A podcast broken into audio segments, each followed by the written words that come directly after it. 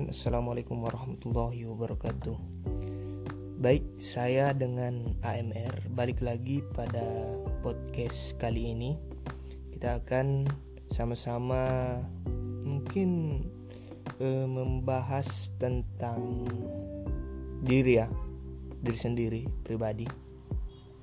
Eh, Sejak Kita tidur kemudian bangun lekas bangun dari tempat tidur kita. Mungkin tidak luput kita pasti selalu bercermin menghadap ke cermin memperhatikan wajah. Apakah nampak gagah cantik menawan? Ya itu suatu kesyukuran yang patut teman-teman eh, sampaikan kepada Tuhan. Ya,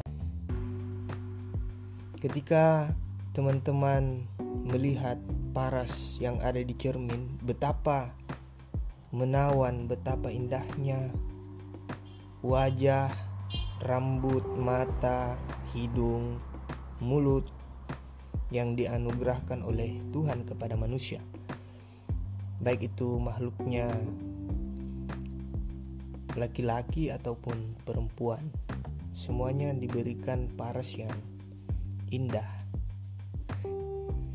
Atau ada yang merasa eh, kurang cantik atau kurang gagah wajahnya?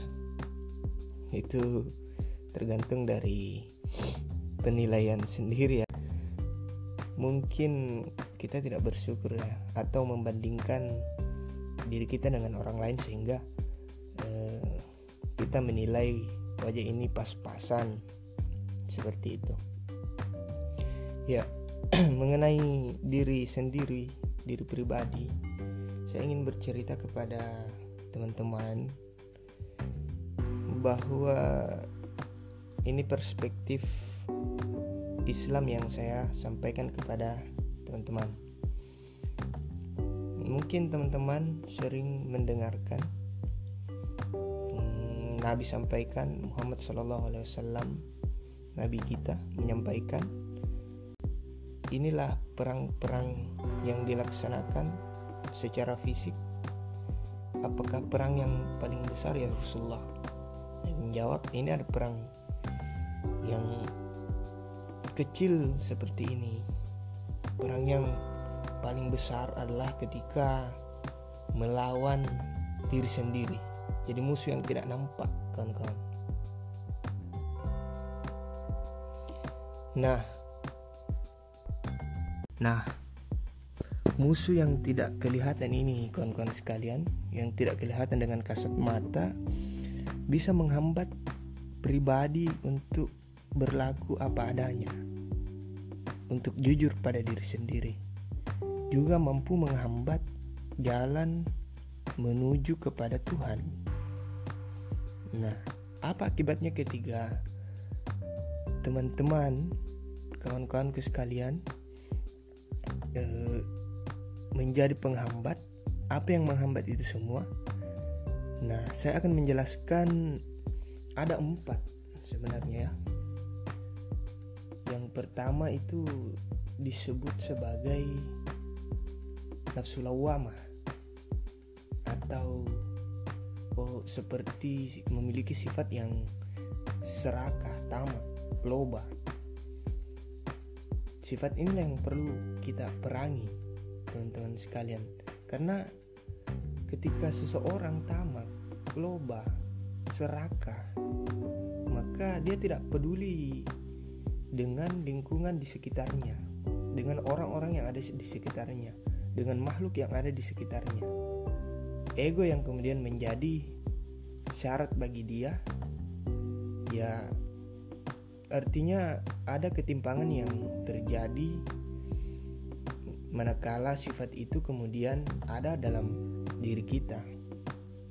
Makanya harus kita tinggalkan. Nah, pesan yang saya pernah dapatkan dari Eko Prasetyo. Ini pesan yang sangat menarik teman-teman.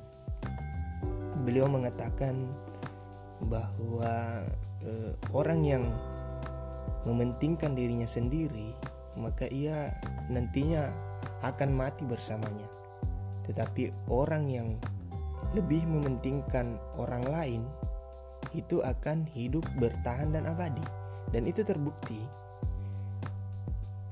mari kita lihat contoh misalnya kepada tokoh salah satu tokoh Muhammad tokoh Soekarno tokoh eh, Buya Hamka misalnya dan lain-lain sebagainya yang pada hari ini kita tidak apa namanya sering mendengar petua-petua mereka dan seakan hidup itu yang dimaksud. Sama pepatah lama yang mengatakan bahwa eh, apa? Harimau mati itu meninggalkan belang. Gajah mati meninggalkan gadingnya. Manusia ketika mati maka yang ditinggalkan adalah perbuatannya. Nah yang kedua teman-teman sekalian yang perlu kita perangi adalah nafsu hewania, sifat hewan yang ada pada diri manusia. Nafsu hewania ini kawan-kawan, dia sifatnya menghilangkan rasa malu. Ya. Jadi sama ketika seseorang yang kemudian berpura-pura bersih. Nah, ditutupnya misalnya kepalanya, kelihatan dengkulnya dengkulnya ditutup kelihatan kepalanya seperti itu. Jadi untuk membentengi e, nafsu ini maka harus menanamkan rasa malu pada diri sendiri ketika melakukan sesuatu berbuat sesuatu, sesuatu yang melanggar norma-norma baik norma agama norma susila ataupun norma adat yang berlaku di masyarakat.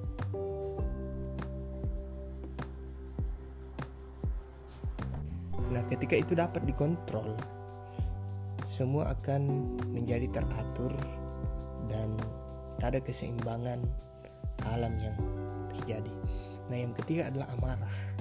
Siapa sih teman-teman di sini tidak pernah marah? Bahkan saya sendiri pernah marah. Saya pernah merasakan yang namanya marah. Tetapi memang marah itu mengandung sifat yang dapat mengeluarkan perkataan yang tidak terkontrol kawan-kawan. Sama misalnya saya beri contoh ya. Misalnya ada atasan kepada bawahan, atasan ini mem memarahi, memaki-maki bawahannya sehingga dikatakannya pantatmu seperti muka saya. Eh dia pikir-pikir terbalik. Dia katakan lagi mukaku seperti pantatmu. Jadi seperti itu.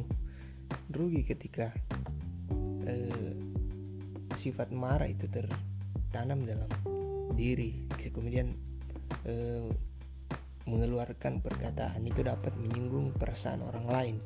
Ujung-ujungnya kan ketika selepas marah pasti ada penyesalan sendiri Iya kan? Pasti. Nah, saya ingin menggarisbawahi bahwa orang pada umumnya mungkin sulit membedakan antara perilaku marah dengan tegas. Ketika perilaku marah, yang membedakan di sini marah dengan tegas adalah ketika marah. Marah itu mengeluarkan kata-kata yang seperti mengumpat, kata-kata kotor, kata-kata yang yang apa merendahkan orang lain, kata-kata yang menyinggung perasaan orang lain dan membuat raut muka ini memerah. Darah menjadi naik. Panas yang dirasa oleh pemarah itu sendiri dalam e, tubuhnya, dalam dirinya sendiri. Tapi kalau sifat tegas, perkataannya mungkin mengandung unsur teriakan misalnya penekanan dengan nada yang tinggi tetapi sifatnya tidak eh, sifatnya itu membangun sifatnya tidak merendahkan orang lain misalnya hey kawanku seharusnya kau merubah sikapmu merubah pola pikirmu ketika engkau diam saja seperti itu, tidak mau belajar, tidak mau bergaul dengan orang, tidak memahami alam ini, makanya engkau harus bangkit dari itu. Nah, itu perkataan yang mengandung eh, penekanan yang tinggi, tetapi sifatnya tidak marah. Oke, mungkin itu saja yang sempat eh, kali ini kita sharing-sharing kepada teman-teman. Mudah-mudahan bermanfaat. Billahi taufiq wal hidayah. Wassalamualaikum warahmatullahi wabarakatuh